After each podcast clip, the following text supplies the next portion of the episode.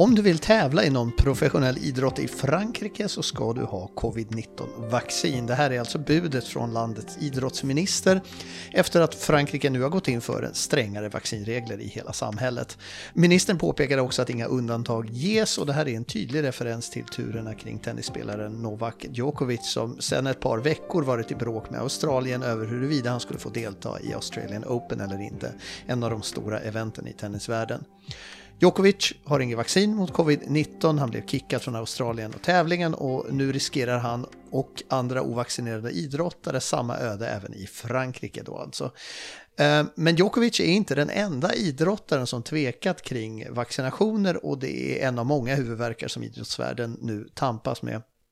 Du lyssnar på Nyhetspodden med mig Thomas Silén och jag har sällskap idag av sportredaktör Kristoffer Herbert och vi ska snacka om vad vaccinmotstånd bland elitidrottare har för effekter på sporten egentligen. Hej Toffe! Hej på dig, kul att vara med! Först och främst då, eh, känns liksom det franska beslutet rimligt tycker du? Är det bra eller dåligt? Jag har ingen uppfattning om det, däremot så vet jag att det är någonting som kommer att diskuteras otroligt mycket. Jag tar inte ställning till om det är rätt eller fel, men Franska öppna mästerskapen i tennis som kommer så småningom i vår är bara en av många evenemang där det här kommer att sättas på prov. Härnäst tror jag det blir ett stort snack om Champions League-fotbollen som ska spelas i februari. Och där är det ju då som så att eh, länder över hela Europa är med i Champions League och Champions League-matcherna går till på så sätt att man spelar dubbla möten, till exempel då en match i Frankrike och en match i England. Det kommer att diskuteras väldigt mycket kring det här, för att problemet blir ju om man då till exempel har en turnering som Champions League, kan det vara så olika regler i olika deltagande länder?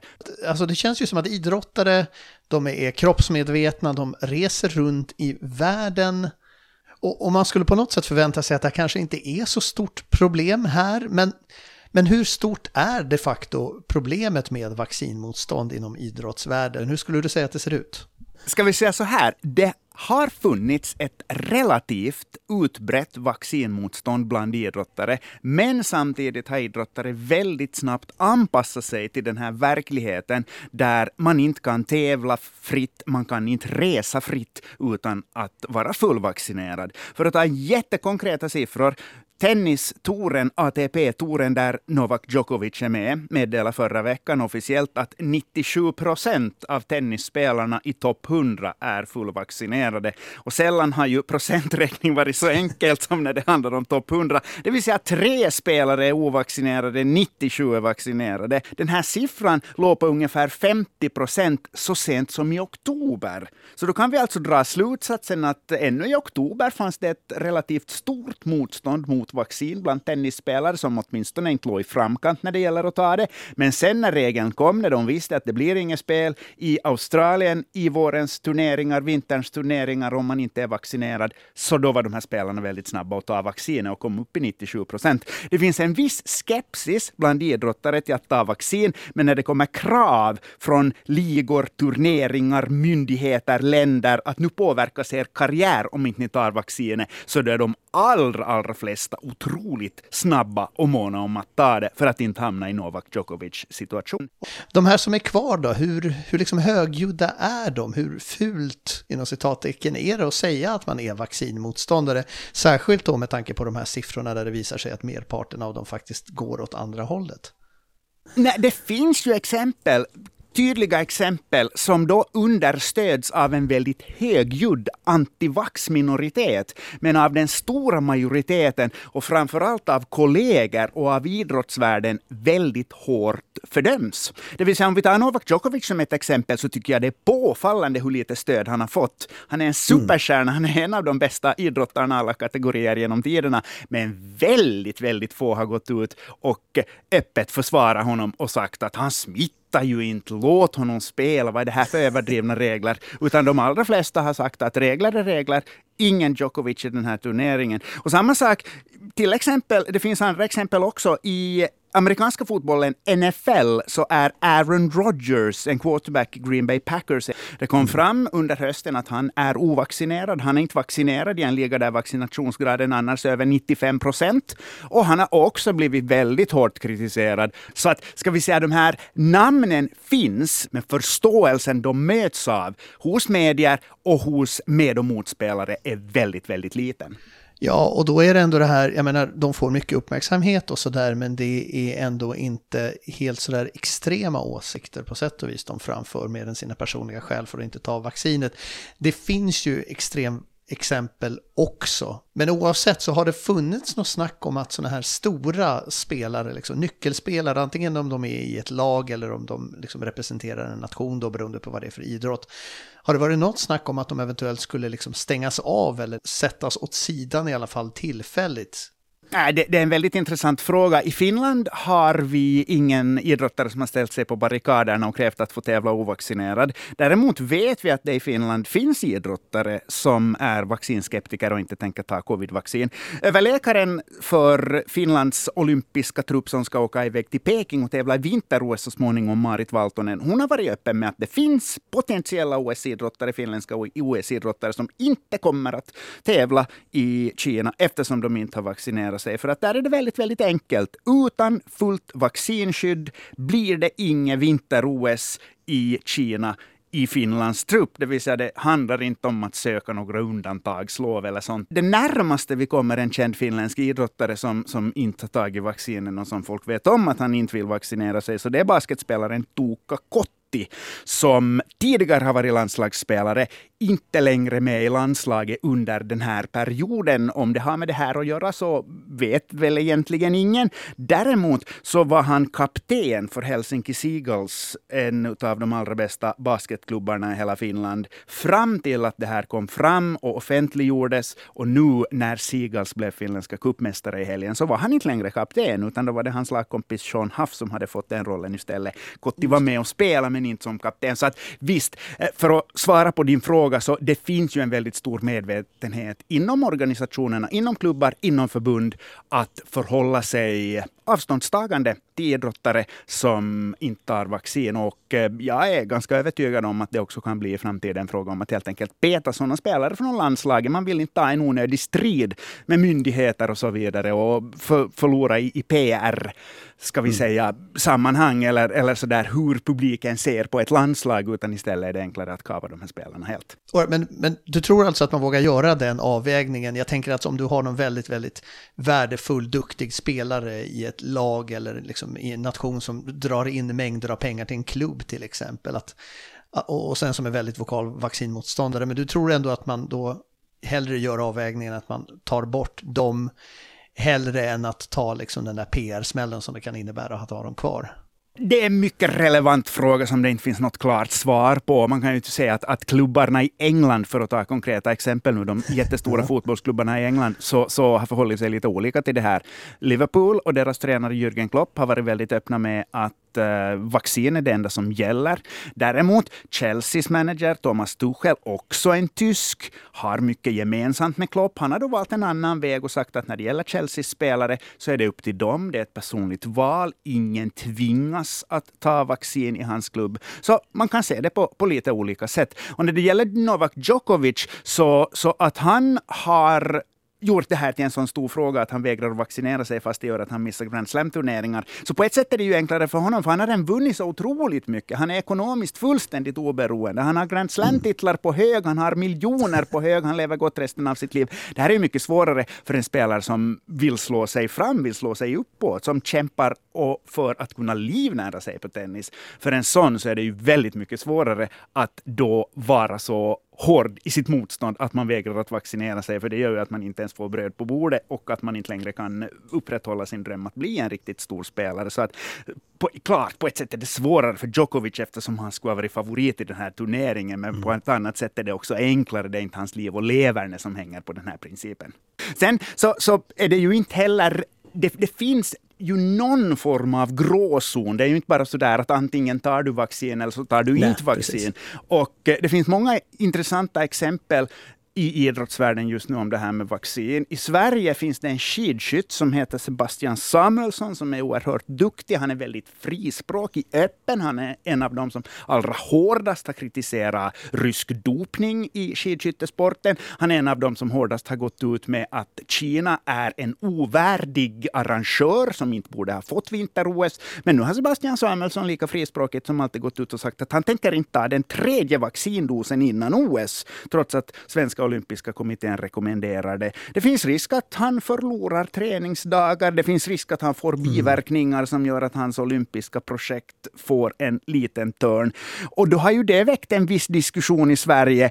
Får man göra så som en toppidrottare? Får man säga att två vaccindoser är fullgott? Jag tänker inte ta den tredje vaccindosen förrän efter OS.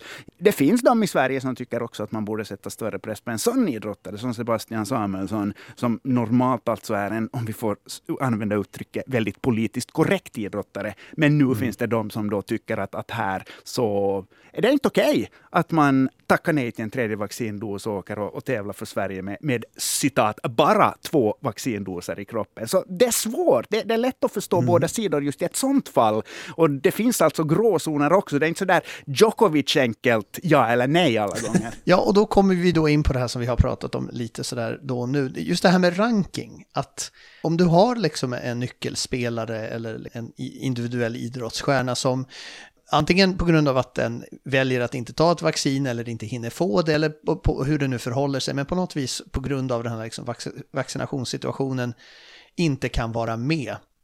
Så vad gör det då liksom för rankingar?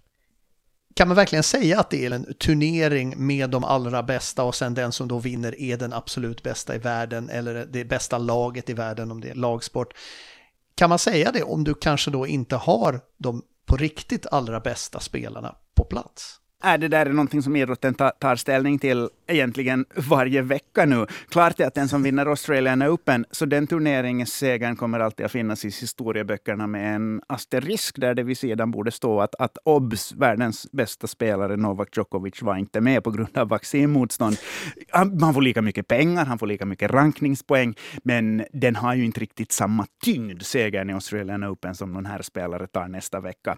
Sen är det ju en massa, massa ligor som fortsätter spela trots väldigt många covidfall. De allra flesta länder fungerar ju inte som Finland så att ett helt lag sätts i karantän, utan i de flesta länder så är det spelarna som är drabbade som är testat positivt som inte får vara med i en match och spela. Däremot så får resten spela och det gör ju att i vissa matcher är det ju väldigt orättvist när ett lag har alla sina bästa spelare på benen för att det laget just då inte drabbat av en covidvåg, medan motståndaren saknar en handfull toppspelare för att det laget just då är inne i en omikronvåg. Och det där är, är ju någonting som, som gör det svårt för, för många som följer med sport, för att det ska vara lika förutsättningar och det ska vara lika möjligheter. Och sport bygger ju någonstans ändå på tanken om rättvisa. Och om ett lag saknar en handfull spelare på grund av ett virus som det inte går att göra någonting åt och ett annat lag ställer upp med, med fullt manskap, så, så finns ju den rättvisan inte där. Så att det är ett spörsmål och ett, Eh, en, en frågeställning om hur man ska göra som idrotten tampas med väldigt ofta och väldigt tätt. Och där idrotten just nu ganska konsekvent över hela världen väljer en linje där man spelar matcherna om det bara går. Man försöker genomföra säsongerna, man försöker spela så mycket som möjligt och tar då istället smällen att någondera laget kan sakna toppspelare och vissa toppspelare inte kan vara med i vissa turneringar och sammanhang för att de är smittade. Ja, och sen har vi ju då förutom prispengar och sånt där så har vi ju hela den här grejen med ära inom idrotten. Att hur ska man liksom tänka där? Kan, kan man verkligen tilldela någon en utmärkelse till exempel som bästa spelare eh, till en person som ändå är en stor förebild för många, men som kanske samtidigt då är en aktiv vaccinmotståndare?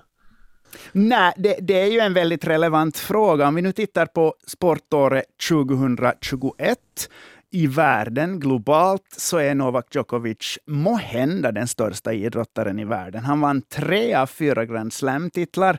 Han eh, var närmare, känns det som, än vad någon annan tidigare har varit på väldigt länge att ta den här totala göra superåret och vinna fyra turneringar och OS-guld på köpet. Han gjorde inte det, men han vann i alla fall tre Grand Slam-turneringar. Han var absolut på topp. När man sammanfattar idrottsåret, ska en sån här sak då spela in? Kan man säga att Novak Djokovic är världens största idrottare 2021, punkt slut? Eller ska man då ta ställning till en moralisk aspekt, att man inte kan utse en idrottare som är globalt känd som vaccinmotståndare mitt i en pandemi som årets idrottare. USA har att ta ställning till Aaron Rodgers, som jag nämnde tidigare, NFL-spelaren, quarterbacken i, i den amerikanska fotbollsligan. Han kan mycket väl bli Most Valuable Player för att hans lag var strålande och han var väldigt duktig och viktig quarterback som han är.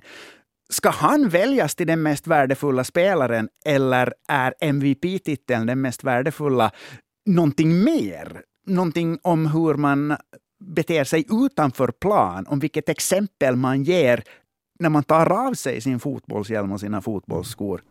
Men sista frågan då, nu har vi pratat om vaccinmotstånd, men det har ju här under de senaste åren funnits en hel del sådana flytande fall där politik i olika former har sipprat in i idrottsvärlden. Det kan handla om rasfrågor eller könsfrågor och sådär.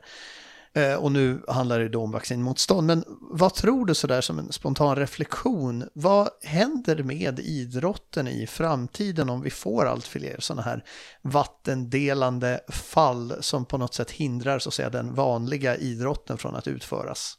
Jag tror ändå på något sätt att det kan vara positivt för idrotten vad det gäller intresset för idrott och hur samhället ser på idrott. För att en väldigt vanlig kritik, en vanligt förekommande kritik mot toppidrott är ju att den är grå och den är tråkig och de säger bara tråkiga saker och enda frågan är hur gick det i matchen och hur känns det nu?